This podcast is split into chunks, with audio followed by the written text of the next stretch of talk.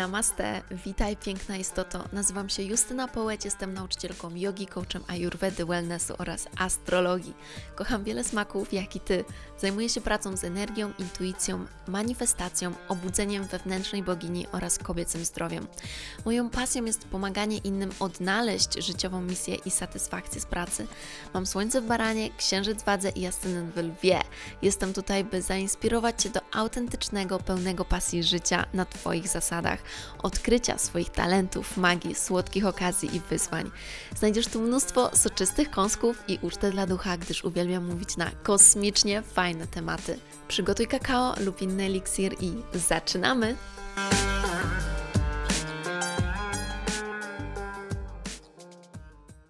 Namaste, witaj w czwartym już odcinku z mojej serii o znakach Zodiaku. I dzisiaj przechodzimy do właśnie czwartego znaku w kolejce, czyli do raka.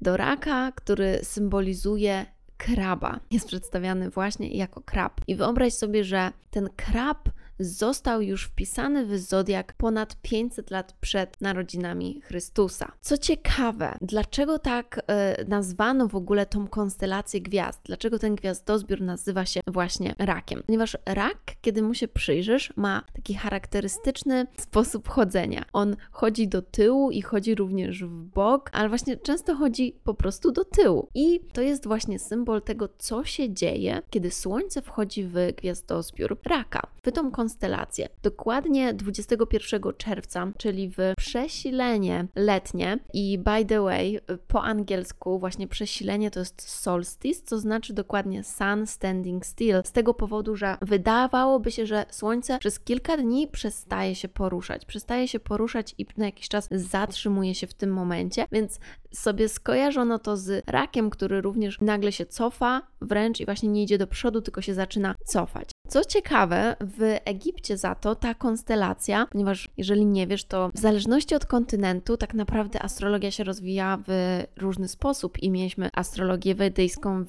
Indii, była astrologia właśnie, która rozwija się w Egipcie, no i mamy astrologię właśnie związaną też z słowiaństwem i z Europą. No, oczywiście później wszystkie się mieszały ze sobą, ale w Egipcie, kiedy jeszcze nie było tych wpływów z innych systemów astrologii, to w Egipcie ta konstelacja nazywana była konstelacją dwóch żółwi. I zobacz, jak niesamowite jest to, że to są naprawdę podobne zwierzęta, mają wspólne cechy. Tymi wspólnymi cechami jest to, że obydwa mają twardą skorupę, a druga sprawa wspólna to jest to, że poruszają się wolno. Więc przejdźmy sobie do legendy o raku. Ona jest wyjątkowo prostsza i, i krótsza od tych pozostałych, natomiast grecka legenda mówi, że był rak, który w rzeczywistości był gigantycznym krabem, nazywany był właśnie cancer po angielsku, czyli nasz rak. I Juno, Juno po polsku, żona Zeusa, która była o niego bardzo zazdrosna, czego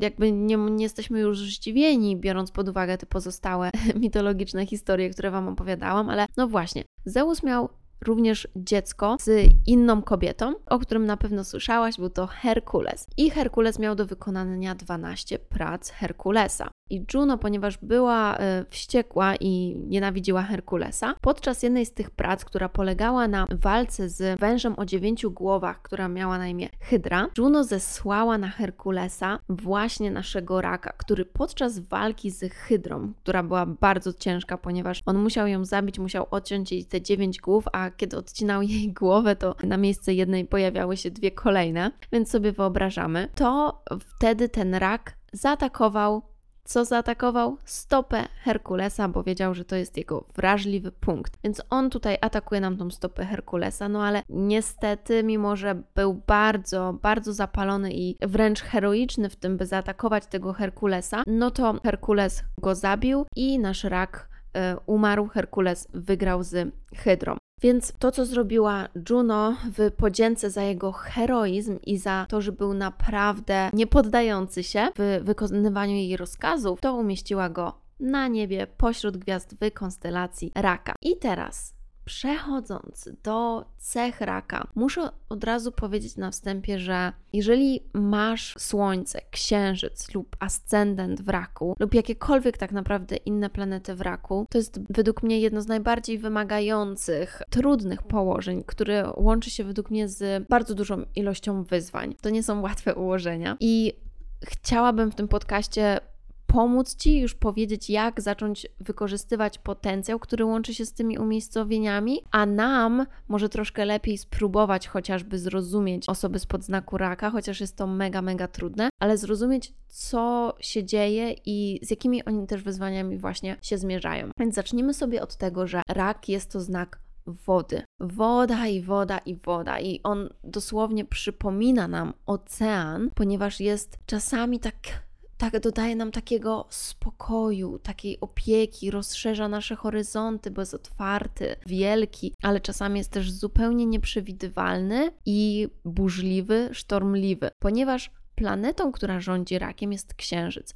A Księżyc jest to ciało niebieskie, które najszybciej się przesuwa na naszym kosmogramie, na niebie, co mówi o tym, że tak bardzo zmienia się tak bardzo zmienia się humor naszego księżyca, naszego raka, ponieważ cały czas, kiedy księżyc zmienia, słuchajcie, księżyc zmienia znak zodiaku mniej więcej co 2-2,5 dnia, a to znaczy, że te co 2-2,5 dnia przynosi zupełnie inną energię naszemu rakowi, więc, więc rak ma po prostu, jest humorzasty, e, ma zmienne nastroje, nie charakter, ale zmienne nastroje. Natomiast to fantastyczne, co łączy się z tym, że Księżyc jest planetą, która opiekuje się rakiem, to jest bardzo silna intuicja, którą rak posiada i może ją użyć dla dobra, szczególnie jeżeli właśnie czuje, że na przykład komuś dzieje się krzywda i może tej osobie pomóc. Jest również bardzo dobrym słuchaczem, natomiast to, na co musi uważać, to jest przejmowanie emocji innych jako swoje. Jeżeli kiedykolwiek się troszeczkę interesowałaś księżycem, to być może wiesz, że księżyc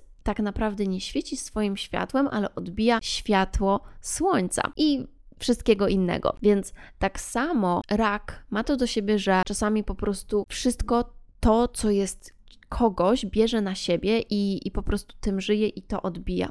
Więc rak musi stworzyć, um, więc rak stworzył właściwie tą skorupę właśnie, w której się chowa, ponieważ wszystko ma wrażenie, że go może przytłoczyć z zewnątrz. I to, co jest właśnie tym wyzwaniem, o którym mówiłam dla raka, to jest mimo wszystko otworzyć się, otworzyć swoje serce, otworzyć się na swoje emocje, ale być w nich niezależnym, by nie emocjonować się tym, co inni czują, ale by pomagać im zyskiwać moc i pomagając im w tej sytuacji. To się wiąże z tym, kiedy rak zobaczy, że właśnie ta wrażliwość i odczuwanie energii innych, uczuć innych jest jego mocą, a nie przekleństwem, bo wtedy będzie mógł się lepiej i lepiej zaopiekować nimi. Rak rządzi czwartym domem w astrologii, który mówi o rodzinie, o naszych korzeniach, o naszym domu, szczególnie właśnie o domu rodzinnym, o tym, jaka była nasza rodzina, w jaki sposób się wychowywaliśmy, jakie było nasze dzieciństwo. Więc to jest bardzo kluczowe, dlatego że ten czwarty dom wiąże się również ze sferą komfortu. Sferą komfortu, z której nie lubimy wychodzić. No i rak, właśnie ta skorupa, chowa się w tej skorupie i nie chce wychodzić. I kolejne wyzwanie, które się łączy z tym dla raka, to jest to, by jednak wychodzić z tej skorupy, wychodzić z tej sfery komfortu,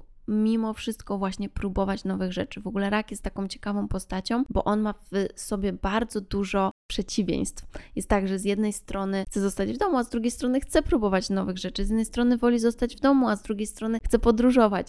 I z jednej strony właśnie chce robić to, co już robi, a z drugiej strony chce odkrywać coś nowego. I I to jest trochę tak, że właśnie w astrologii ewolucyjnej mówimy o tym, że są takie etapy tego raka, rozwoju raka i etapy rozwoju każdego ze znaków. I kiedy rak już wyjdzie z tej skorupy, kiedy sobie zda sprawę, że okej, okay, naradzam się i ach, i teraz już zyskuję emocjonalną inteligencję. Emocjonalna inteligencja to jest coś, co jest właśnie bardzo, bardzo ważne dla naszego raka, ponieważ kiedy on zyska tą emocjonalną inteligencję, to nie będzie już, nie będzie dłużej uniezależniał swojego nastroju od zachowań innych.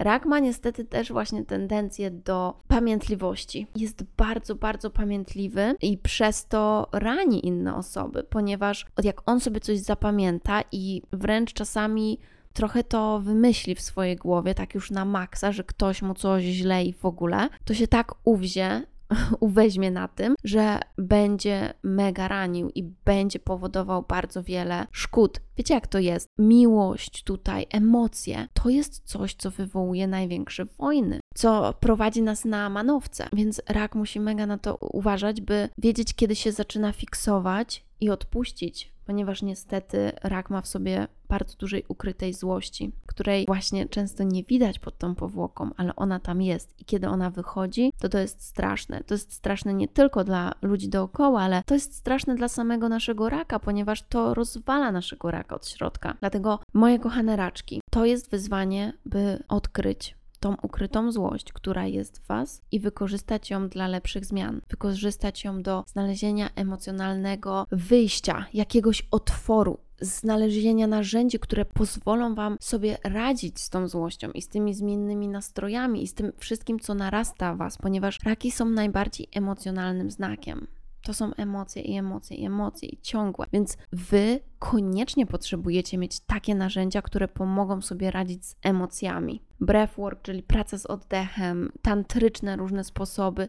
To jest też coś, co mnie bardzo mocno chroni, bo ja też mam dużo wody w kosmogramie, więc y, ja wiem coś o tych emocjach.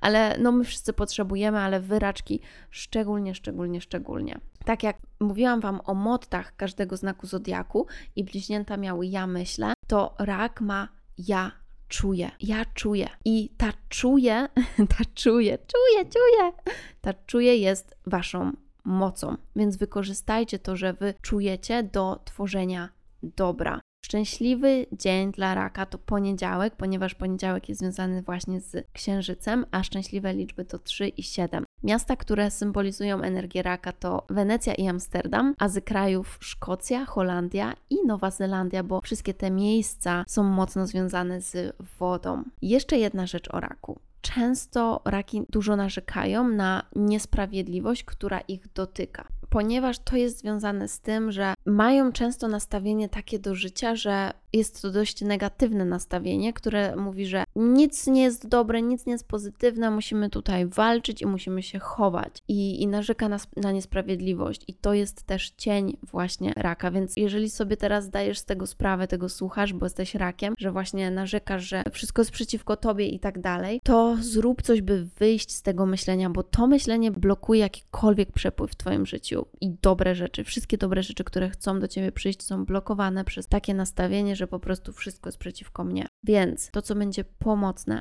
to jest otworzenie swojego serca i opiekowanie się innymi.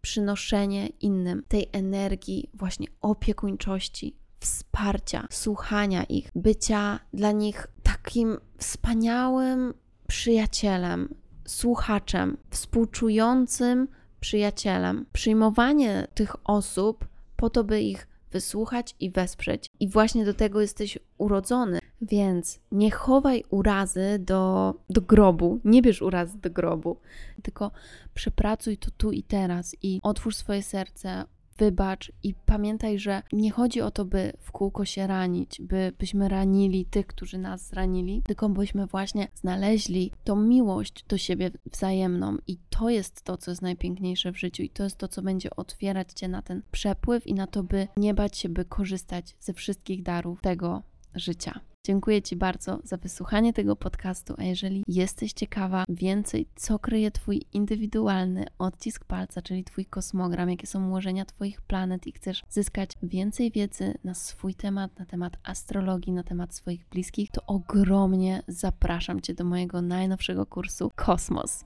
Do usłyszenia kolejnym razem. Namaste. Mm, o boginio, dziękuję Ci bardzo za wspólny czas i mam nadzieję, że znalazłaś tu mnóstwo pysznych kąsków. Będę bardzo, bardzo wdzięczna, jeżeli zostawisz recenzję i ocenę podcastu oby 5. Proszę podziel się tym podcastem z innymi, by więcej osób mogło zaspokoić swój apetyt na świadome życie.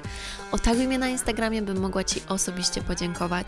Jeśli chcesz ze mną pracować poprzez kursy lub współpracę indywidualną, przejdź na stronę mojej Akademii Shakti i śledź mojego Instagrama. Jeśli masz jakieś pytania lub propozycje kolejnych tematów, wyślij DM na Instagramie. Życzę Ci wspaniałego dnia lub nocy, gdziekolwiek jesteś. Namaste.